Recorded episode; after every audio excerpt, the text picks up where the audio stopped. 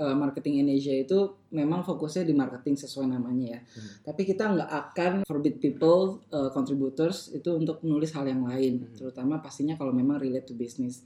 What is marketing actually? Karena kan marketing itu ya bisa orang data yang ngomong, bisa Hmm. orang SEO yang ngomong. Iya. Dan ketika kita sudah punya banyak feedback yang yang bisa dibilang macam-macam gitu ya perspektifnya, justru kita bisa buat decision about marketing itu better gitu. Oh ya, berarti ini buat para pendengar warung kopi pingin tulisannya naik naik di marketing in Asia, they're actually looking for contributors. What's up guys? This is your host Edwin Mohammed and you're listening to Warung Kopi.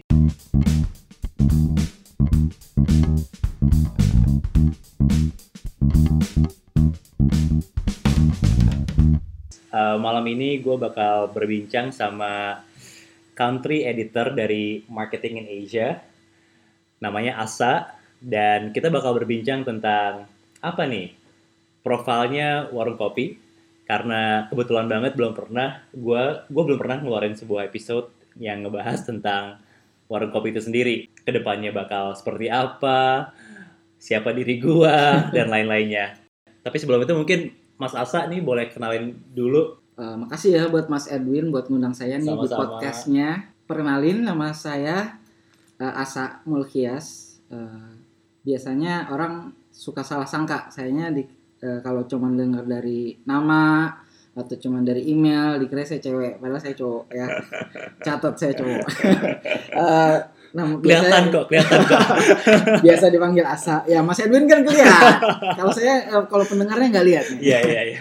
Uh, saya jadi country editornya buat marketing in Asia uh, untuk Indonesia. Sebelum jadi country editor, saya dari tahun 2001 itu memang belajar nulis dan fokus di majalah. Mhm, Jadi editor majalah sama penulis buku. Oke. Mm, jadi Penulis buku. Mm-mm. Wih, buku apa nih? Saya kurang lebih basicnya adalah penulis fiksi. Hmm. Nah, mulai dari cerpen, novel saya buat. Untuk so far, saya sudah punya 16 buku. Nah, tahun 2013 saya fokus digital. Dari situ baru uh, pindah dari yang namanya yang basicnya tuh printed Ya. ke digital sama online. Baru dari situ sadar, oh justru memang ke depannya uh, di sinilah uh, penulis itu bisa uh, lebih berkembang gitu ya. Mhm. Karena kan dunia percetakan, terutama buku, majalah uh, seperti beberapa tahun terakhir itu agak sulit Ya. uh, dan banyak juga yang gulung tikar Ya, uh, ya.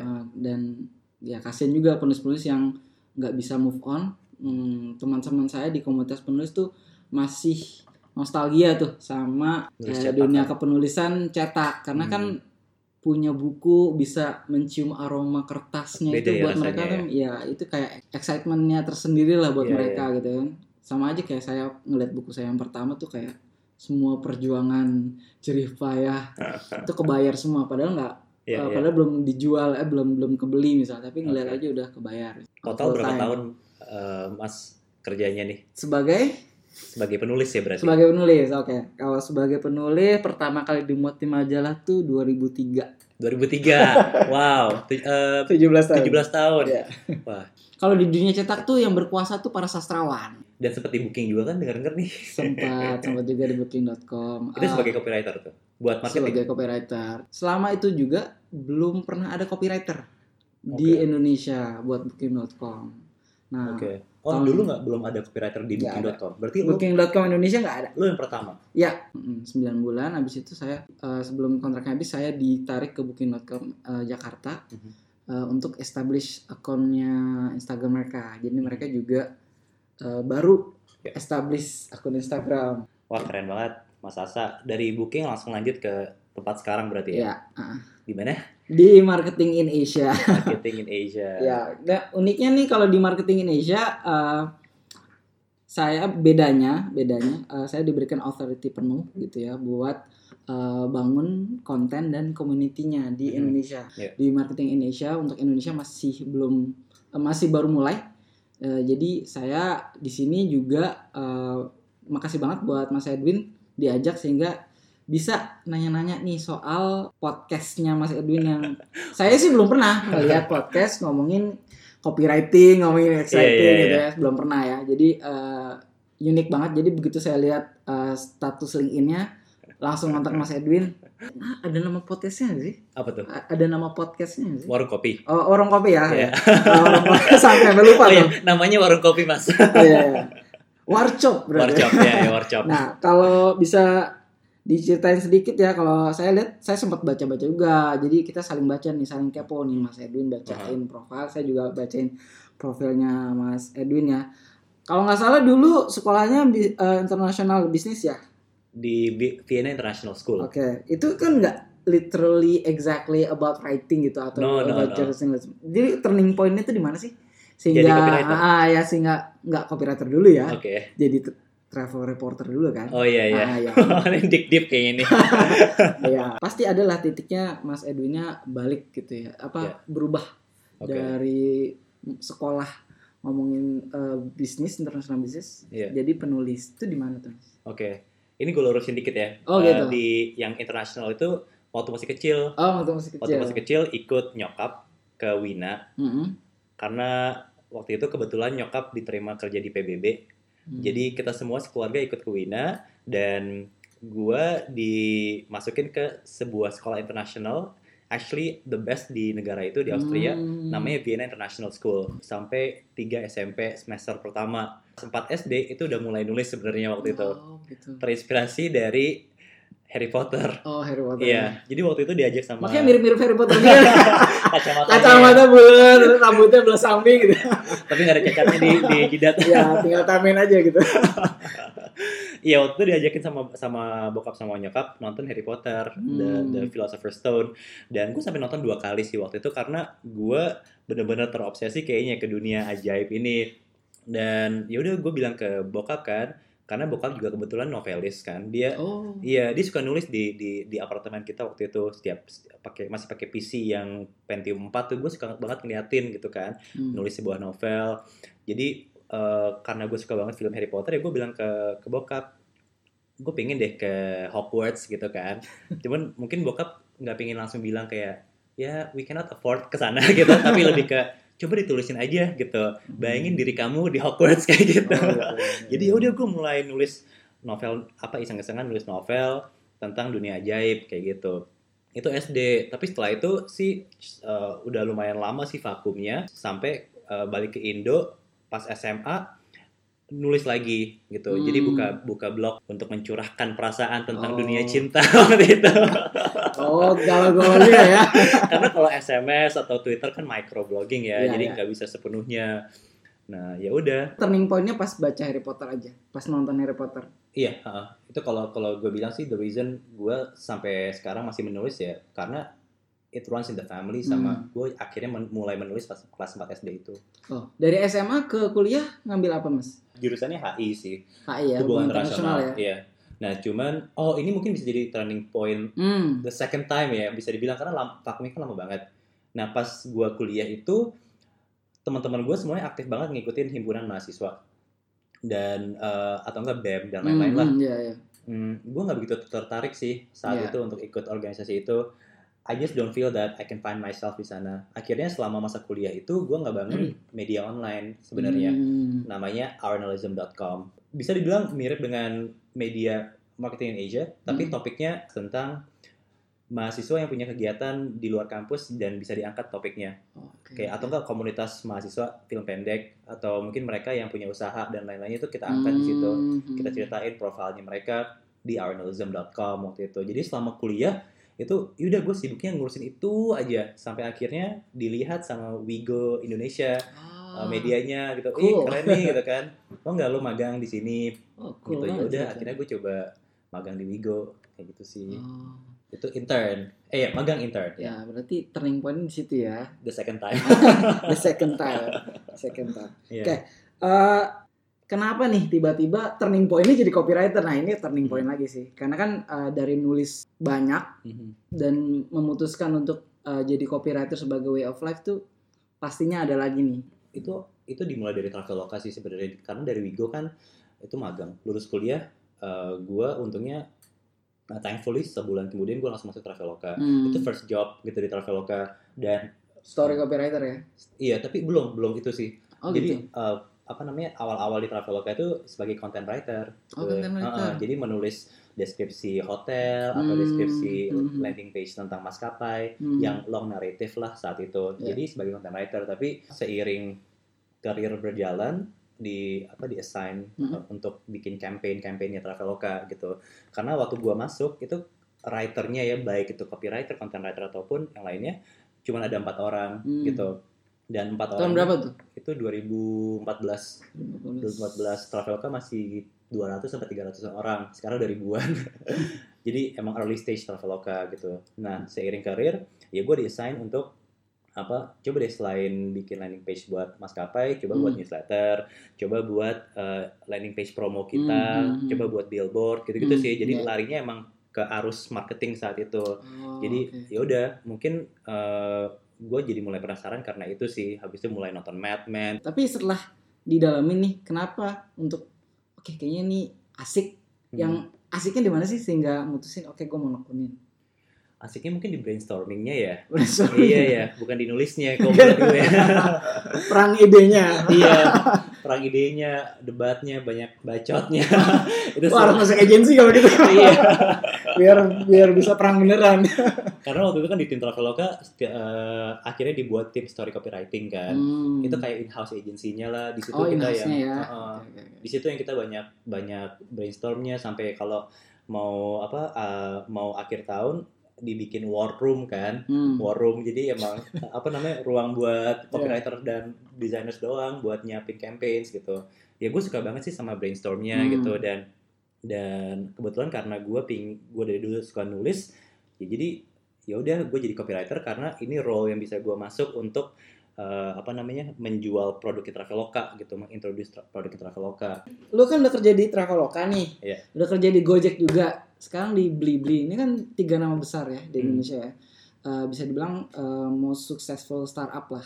Challenge-nya tuh di setiap perusahaan-perusahaan ini beda-beda atau ah enggak sama-sama aja gitu kan. Kalaupun Hmm. beda bisa diceritain nggak? beda-beda sih karena eh, kalau di Traveloka kan story copy apa copywriting marketing mulai dari Gojek kan lebih Oh, ke karena posisinya beda-beda juga ya. iya ya. posisi beda kalau di Gojek kan produk copyright eh, UX writing di Blibli juga UX writing sih gitu cuman Gojek dan Blibli pun juga culture-nya kan beda gitu. Hmm. Eh, tapi kalau ngomongin kerjaan Di mana tuh bedanya? Culture-nya di mana bedanya? bedanya kalau di Gojek Lumayan Eh. lama kan di Gojek tiga tahun ya? Tiga tahun enggak eh, satu setengah tahun di Gojek Oh di Traveloka yang tiga tahun. Iya. eh, empat tahun di Traveloka kalau di Gojek itu dari sisi working hour lah Hmm. eh, kan nggak ada kalau di Gojek kalau di Blibli ada Oh nggak ada. Iya, di Gojek sih nggak ada working hour. Terakhir gue di sana ya.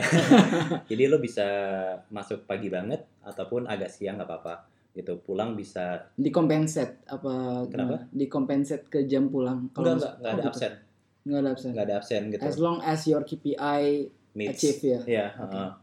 Eh, tapi kan KPI juga susah ya kalau writing ya. Jadi yang Iya. penting lo fulfill semua request. Pulang bisa cepat atau pulang bisa lambat. Kayak gitu tuh working hour. Sama di Gojek kan eh, apa cuti nggak dibatasin kan. Jadi lo bisa cuti berapa kali pun gitu. Oh gitu. itu sih ngomongin soal culture-nya ya. Iya. Tapi kalau challenges-nya sih beda karena kalau di sini timnya lebih kecil dibanding Gojek. Karena di Gojek kan uh, udah sekitar 8 sampai 13 ra- UX writers. Di sini kita baru di Blibli kita baru ada empat orang. Of course lebih challenging karena Ya, ya, ya. harus picking up lagi kan. Ya. Kayak gitu. Lotnya gimana? Mungkin kalau timnya kecil tapi lotnya nggak banyak kan bisa. Uh, load-nya lebih banyak di sini kalau buat gue pribadi karena di Gojek kan uh, di apa di masa-masa terakhir itu gue nggak begitu banyak menulis gitu. Tapi Oh kalau iya di- baca baca. iya Jadi manajer ya. Jadi UX writing manajernya. Iya, Tapi kalau di Blibli itu jauh lebih banyak menulisnya gitu. Jadi challenge-nya di situ juga. Hmm. dan lebih challenging lagi di Blibli kan Supervisi apa gimana? eh, Atau nulis juga? nulis juga, Oh, nulis juga. nge-review juga, tapi nulis juga karena Hmm. karena kita writernya masih sedikit kan. Ya ya. ya. Dan itu nulis buat customer, buat buat merchant, sama buat employees gitu. Jadi Iya, tiga iya. types of users itu Buat challenge-nya. employees. Mm-mm. Oh buat buat apanya? Buat internalnya. Buat internalnya eh, atau buat kurirnya. nulis itu punya impact nggak sih ke perusahaan gitu kan? Karena kan kadang-kadang penulis itu kalau zamannya gue ya, zamannya gue, sampai-sampai namanya penulis itu ya nggak begitu dihargai lah gitu ya. Hmm. Dari misalnya kalau kita diterima eh, majalah nih, ya kan, eh, kadang-kadang honornya bisa ditunda-tunda, bisa Hmm. kadang-kadang kita udah minta juga nggak di kirim-kirim gitu Iya, ya. iya, Terus kalau di zaman digital kayak sekarang nih, eh, karena kan eh, lu udah lewatin dari fase bawah banget nulis eh, sebagai travel reporter Hmm. sampai yang di sini lo dibeli-beli lo mimpin gitu. Hmm.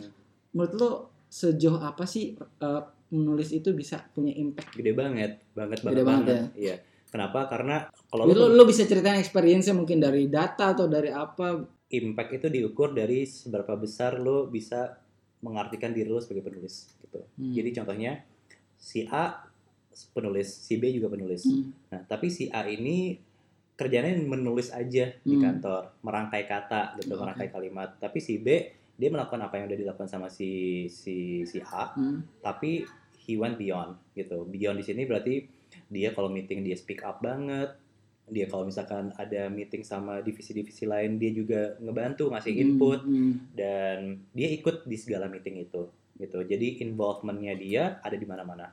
Dan ketika orang ngajak dia meeting sekalipun nggak Hmm, nggak tentang iya. writing ada dia. Eh, contohnya kalau di dunia UX sekarang, hmm, UX writer is not only a writer, tapi sebenarnya we are product designers gitu. Hmm. Kita ngedesain produk, kita bukan menulis gitu. Jadi impactnya besar banget karena uh, as a writer ya lu Maksudnya apa tuh? Maaf, eh, UX writer sebagai product designer tuh coba Hmm. di di breakdown tuh di maksudnya breakdown. Oke, oke. Jadi gini, di tim UX kan ada UX designer, ada ada UX writer, ada Hmm. UX researcher sama Iya, UX engineer. Nah, iya, Hmm. benar. Nah, itu kan sebenarnya nama role-nya semua beda-beda. Tapi uh, kita menuju tujuan yang sama, goal yang sama, which is use, uh, solving users problems, Hmm. ya kan? Kita nge-solve masalah-masalah users yang dihadapin. Users kita users Blibli gitu kan. Cara kita bisa nge-solve itu ya kita ngebangun produk which is the Blibli app. Nah, sebagai mau itu lo sebagai writer atau designer dan lain-lain yang ngebedain kan cuma outputnya aja sebenarnya Hmm. kebetulan karena gue suka nulis jadi gue memilih menjadi penulis gitu tapi Oh. once we are in the discussion kita nggak pakai topik kita sebagai penulis. Kita nggak cuma ngasih feedback tentang kata-katanya tapi kita ngasih feedback the whole design. Eh, impact yang lo bikin bisa kecil atau besar lo diukur dari seberapa bisa lo bisa seberapa seberapa bisa lo melihat big picture-nya di eh, perkembangan company itu. Gue sebagai penulis atau apa pun role gue gue selalu melihat diri gue sebagai entrepreneurial employee Oh. gitu even though I work for Blibli Ya, ya. I own Blibli gitu. Kasarnya kayak gitu lah. Hmm, Own as in hmm. kayak gue yang punya Blibli gitu. Gue pengen dianggap gue yang punya Blibli gitu. I'm like the owner of this company gitu. Makanya gue harus bekerja sekeras dia. Ini sempat tadi kita ngobrolin nih, eh, you once told your followers pengen bikin buku. Nah, di status LinkedIn. Saya mau nagih nih. Gue mau nagih nih. Mana tuh buku? Kayaknya udah lama deh. Kayak bukunya ngomongin UX writing. Tapi eh, oke, jangan, jangan- karena sudah tadi sudah ngobrol dikit. Bedanya apa nih? UX writing sama copywriting karena waktu di eh, LinkedIn status lo tuh lo jelasin sedikit bedanya UX writing sama copywriting. Hmm. Karena kan eh, agak-agak eh, tipis ya, beda-beda tipis ya. Hmm. Eh, atau memang bedanya banyak? Ya, pasti ada ada sisi black and white-nya dan ada sisi gray-nya kan. Ya. Kalau yang black black and white-nya obviously medianya pasti beda kan. Kalau Hmm. copywriting kan lo menulis untuk iklan, tapi kalau UX itu uh, UX writing lo menulis untuk uh, produk Ya. gitu. Bedanya di situ, bedanya bedanya di itu aja uh, bedanya bedanya Ya, di hitam putihnya situ aja. Iya, uh, di customer journey-nya gitu. Uh, biasanya UX writer itu dia kerjanya lebih early dibandingin copywriter. Gitu. Karena Hmm. tanpa ada produk nggak ada yang bisa dijual gitu kan. Betul. Gitu. Itu Betul. yang uh, tapi yang gray itu sebenarnya ya sama-sama menulis sih gitu kan. Jadi um, Sama-sama memahamin customer juga. iya sama-sama memahami gitu kan. Lo sebagai copywriter di dunia marketing bukan berarti lo nggak ngerti tentang usersnya, not at all gitu kan Hmm. sebenarnya kalau lo copywriter yang ideal ya, lo bisa jadi UX writer sih, Ya. tanpa harus di asah-asah banget lah, ya asah, tanpa harus dilatih banget lah uh, penulisannya gitu. Saya juga UX writer loh. Eh, Karena kemarin proyeknya juga nulis-nulis app juga. wow, Ke depannya nih, menjanjikan nggak sih karir sebagai penulis di digital atau di online mark- eh, di online writing ya? Karena kan bakal banyak automation, artificial intelligence juga. Iya. Jadi eh, banyak kerjaan-kerjaan yang bakal diambil alih sama mesin Hmm. gitu lebih. Nah, kemarin juga ada kayak Grammarly yang Hmm. membantu kita buat ngedit gitu Iya. kan segala macam. sehingga nggak butuh editor. Ah, enggak sih, enggak butuh editor kayaknya. nah, ke depannya kira-kira menjanjikan nggak kalau menurut lo? Jadi sebenarnya emang gue uh, sempet parno soal ini gitu, Oh, gitu ya. karena uh, yang gue yang gue dengar-dengar industri tech itu kan dulunya mulai dari desktop ke mobile, dari mobile Hmm. ke app dan sekarang dari app ke AI. AI kalau lo ngebayangin kan everything is actually not automated sih, tapi semi automated Hmm. gitu karena AI will not uh, 100% entirely replace uh, human gitu. Karena dia berdasarkan feedback juga Hmm. kerjanya. Kalau feedbacknya segitu ya udah dia kerjanya segitu-gitu aja. Tapi kalau Iya. feedback banyak ya. Bener gitu. Jadi pasti akan ada pasti akan selalu ada si writer itu di balik perkembangan apa nih? Let's say chatbot gitu kan. Hmm. Kebetulan banget kemarin gue ketemu sama UX writernya, sorry conversation designernya kata.ai. Dia menulis copy buat chatbotnya itu Hmm. gitu. Dan gue nanya hal yang sama kayak lu nggak punya kekhawatiran nih kalau eh, intinya kayak gitulah kalau kalau suatu saat di replace gitu Hmm, role-nya.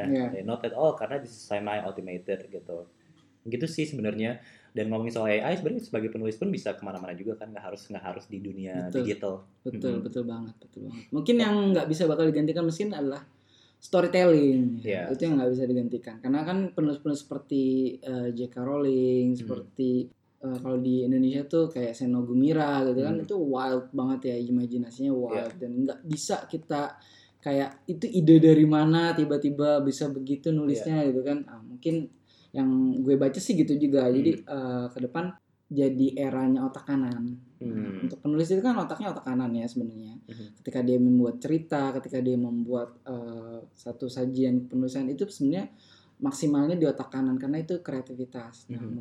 Kita bisa eh, nambah skill lagi gitu ya terkait dengan storytelling karena kan storytelling itu kalau menurut eh, Daniel H. Pink pengarangnya buku Misteri Otak Kanan The Mhm. Whole New World itu kalau salah dia bilang memang ada enam kecerdasan yang bakal eh, take over the world dan Mhm. itu semuanya ada di otak kanan. oh oke Nah, nulis itu sebenarnya adalah ada di otak kanan makanya gue bilang gue sih enggak nggak khawatir ya gue khawatir karena ya gue ngebayangin di zamannya cetak dulu Mhm. eh, penulis itu sama sekali nggak dianggap Mhm. kecuali lu punya penulis besar dan lu masuk penerbitan dan lu punya buku terjual banyak dan lu difilmin Mhm. sisanya kan penulis ece-ece aja tuh kan Nah, tapi sekarang kita masuk ke era di mana penulis tiba-tiba punya bargaining position yang bisa tiba-tiba ada di posisi penting untuk uh, bersentuhan langsung dengan customer bahkan juga bisa engage mereka sampai conversion juga Ya. otomatis kayaknya as long as we upgrade ourselves Mhm. nggak yang berkubang dalam kubangan aja gitu ya berkubang dalam satu tempat aja harusnya sih kita bisa terus menemukan value baru kita sebagai penulis di zaman-zaman di era-era yang berikutnya sih. Mhm. Oke, kalau gitu apa nih dibaliknya eh, keputusan lo bikin warung kopi? warung kopi Iya, karena kan kalau lo bisa dibilang kan sekarang eh, udah ada di posisi yang bagus nih di Blibli ya. Hmm. Terus eh, lo juga udah punya experience. Tiba-tiba sekarang lo pengen bikin podcast soal copywriting. Eh, memang lo pengen ah gue pengen punya unek-unek nih gue pengen keluarin aja kreativitas gue atau memang ada storyline di balik berdirinya warung kopi. Buat ningkatin UMKM ya kayaknya warung kopi Oh jujur banget ya. gak apa-apa sih gak apa-apa. sebenarnya warung kopi itu karena namanya kopi jadi orang-orang langsung mikirnya copywriting sih which is like nggak ada Iya. salahnya sama sekali tapi Dan memang bukan itu intention lo. bukan Bukan. Oh, Uh, bukan. sebenarnya gue pingin dan akan sebenarnya udah akan invite jurnalis juga kan Hmm. di di luar dunia copywriting kan ada yang nulis travel blogging juga kan Hmm. Uh, ada yang nulis aviation writing Hmm. juga Iya. dan ke depannya gue bahkan pingin ngundang speech writer juga gitu Speech writer. Heeh. Oke. Uh, dan jenis writing lainnya lah nah anyway kenapa gue bikin warung kopi nih ya Hmm. karena dulunya kan gue sering apa nggak sering juga sih tapi cukup aktif nulis di medium dan gue suka banget Masih, ngeliat- masih nulis di Medium. masih masih cuman medium tuh gue menemukan satu limitation di sini gue nggak ketemu langsung dengan penulis lain kan Hmm. gitu. gue cuman menyebar tulisan gue dan entah dibaca penulis atau bukan gitu. Hmm. tapi uh, semakin sering gue menulis dan mendalami dunia penulisan gue tahu banyak banget uh, writers di Indonesia gitu. Tapi kenapa gue nggak tahu mereka gitu. Gitu kan gue nggak gue nggak kenal sama mereka ini gitu. Lu nggak pernah gabung ke komunitas penulis gitu? yang offline belum pernah sih. Oh gitu ya. Ah, belum pernah. Tapi contohnya startup kan sebenarnya nggak jauh-jauh banget ya. Kita tetanggaan gitu. Hmm. kalau misalkan lu lu lu masuk di Blibli gitu kan eh, ketemu aja orang yang dulu di Traveloka atau dulu di Gojek atau dulu di Bukalapak di di Tokopedia ada aja dan Iya. muternya di situ-situ aja gitu kan. Hmm, hmm. dan writers tuh udah banyak juga di berbagai perusahaan ini cuman gue nggak nemu gue nggak kenal mereka gitu. Nah gue bikin warung kopi ini ya karena gue bikin kenalan juga sama mereka. Dan gue pingin dan gue tahu mereka mereka ini tuh they're doing a wise job di sini. Mulai dari UX writer atau copywriter they're doing a wise job Uh, mereka yang ngebantu contohnya kalau di Tokopedia ngebantu users pakai Tokopedia dan begitu pun di Traveloka dan lainnya tapi ya, not many people know what they what they have been doing Hmm. terlebih contohnya kayak fresh grads yang baru lulus atau atau writer lain yang mau masuk ke dunia digital writing dan mereka pengen tahu nih tapi mereka nggak dapat infonya dari Hmm. mereka yang udah experience Oke.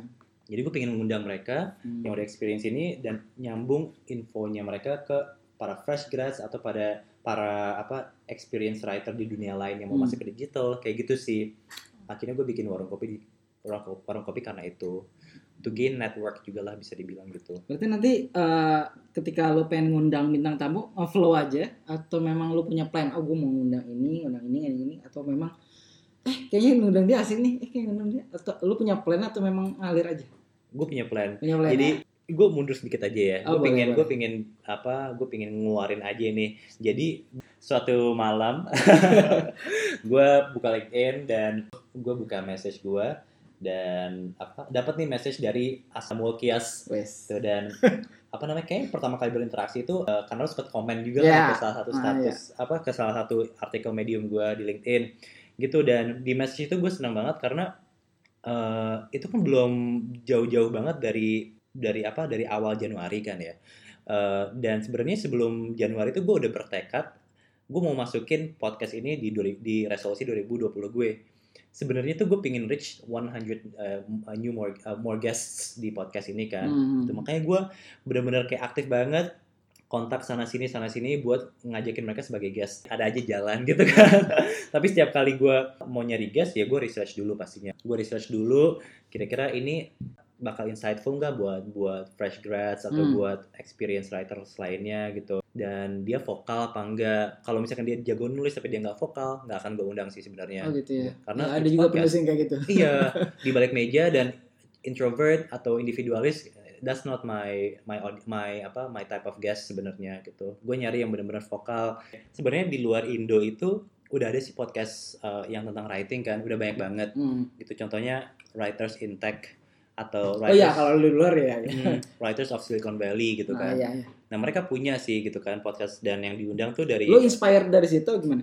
Uh, to be honest iya juga gitu Hmm. karena contohnya si Writers in Tech kan yang punya UX writer juga kan si- yang foundernya apa microcopy and UX writing di Facebook Hmm, hmm. gitu dan dia bikin podcast ini dan setiap gue denger tuh kayak wah ini menarik banget sih kayak gue belajar banget banyak banget dari guestnya gitu kan dan dari dulu kan emang gue pingin nyari media yang paling cocok buat berbagi ilmu Hmm, gitu kan iya. kalau gue bisa dapat banyak ilmu dari podcast kenapa gak gue berbagi lewat podcast gitu dan itu writers overseas what about Hmm. Indonesian writers gitu ah gila sih kayak ini waktunya gue ngundang writers dari Indo buat mm, apa kita diskusi bareng gitu Masih ada nggak yang pengen lo capai? Jadi sebagai penulis karena kan bil- lu bisa dibilang progresnya cepat ya eh, dari 2014 14 sampai sekarang udah enam tahun progres lu cepet banget dari yang le- level jadi travel reporter sampai pada eh, mimpin eh, UX copywriting di Hmm. Blibli.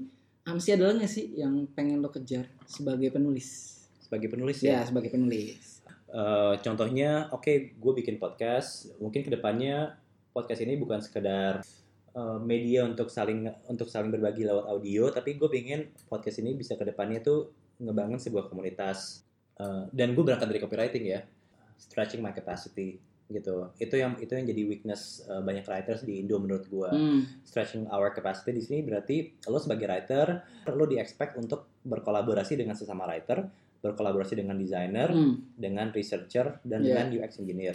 Tapi kan itu emang lo di expect seperti itu. That- Hmm. so that's the minimum requirement. Lo harus lebih dari itu. Banyak tektokan dengan developers, dengan tim QA, dengan tim CS, Iya. dengan tim business analyst, tim data dan semuanya gitu. Lo a part dan lo deeply a part of that ecosystem. Nah, kalau lo ketemu sama penulis baru nih yang pengen masuk ke industri eh, dan lo diminta eh, Kak Edwin, Kak Edwin, manggilnya Kak ya. Nah, Edwin.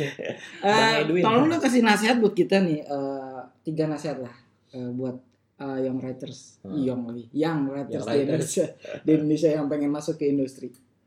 Oke. Pertama-tama sih tahu dulu sih motivasi lo apa jadi writer. Hmm. Kalau nggak punya dan mendingan nggak usah jadi writer. Karena banyak orang Kan yang dari awal udah diiming-imingin gaji gede misalnya. oh enggak sih nggak gede-gede banget. Wah, demotivasi nih. Enggak, I mean kalau if you're looking for the money, ya berarti lo udah salah Iya betul, awal gitu. betul banget, betul banget, betul banget ya. Saya harus tekanin itu. Oke. Sebenarnya menurut gue sih cari dulu motivasi lo apa. Karena kalau writer nggak Iya. ada motivasi, lo nggak akan lama di karir ini gitu. Betul. Yang kedua, cari peers yang menurut lo tuh bisa ngebantu lo grow gitu. Hmm, Karena kalau lo bekerja di suatu company dan lo nggak tahu peersnya kan, dan ternyata peers lo itu, ini team member ya, team member lo itu ya tipe-tipe writer yang cuman tukang kopi dalam artian ya udah kayak eh kita butuh tulisan tulisin ya gitu jadi cuma jadi kayak tukang aja dis- disuruh mau disuruh mau udah gitu kan hmm, you're actually more than that soalnya gitu Iya. sih oke. Yang ketiga, yang ketiga eh, apa ya dengerin warung kopi buat belajar terus oh yang ketiga CPA ya. yang ketiga CPA ternyata. Oh gitu, oh, seru juga nih kalau kita ngomongin warung kopi. Eh, ke depannya memang kalau bisa dibilang warung kopi bakal expand nggak lebih dari yang sekarang atau mungkin nanti mau bikin eh, Instagram atau bikin apa gitu kan ada Hmm. kemungkinan nggak untuk meluaskan eh, platformnya cuman eh, atau memang cuma di podcast aja nih eksklusif gila ya soalnya si warung kopi ini tuh masih baru banget ya Baru bisa banget, kan. betul. di Instagram juga baru September ya September, tahun lalu ya Iya, gue sangat pragmatis. Yang penting gue ketemu guest, gue record, gue edit, gue bikin konten naikin. aja dulu ya Bikin konten dulu aja lah. ah. silahkan gunakan marketing Indonesia itu sebagai platformnya teman-teman Mhm. untuk mejeng di marketing Indonesia dan teman-teman mau apply untuk higher position atau apa dan memang tulisannya diterima di marketing Indonesia pasti akan jadi eh, pertimbangan gitu Mhm. buat industrinya. Waktu gue tahu tentang marketing in Asia dari lo, gue kira ini versi marketingnya tech in Asia. Oh, Tapi bukan nih berarti. bukan bukan bukan. Kalau Beda teknik- banget nih, beda, grup, beda, beda beda segalanya. beda entity. Beda entity. beda entity jangan Oke. disamain lagi. Meskipun mungkin nanti uh, outputnya kalau Tech Indonesia kan juga kurang dia. gitu ya. Iya. Dia kan nggak fokus ke teknik ke teknik doang. Hmm. Dia juga bisa yang lain gitu kan. Hmm. Pastinya kita grow up, uh, growing uh, more gitu ya. Jadi sekali lagi memang diharapkan uh, dukungannya, doanya juga teman-teman buat marketing Indonesia di Indonesia untuk bisa tumbuh lebih besar lagi. Oke, well, of course we're all gonna support whatever it takes untuk bikin industri, bukan industri tapi kayak scope of writing ini semakin dikenal. Hmm.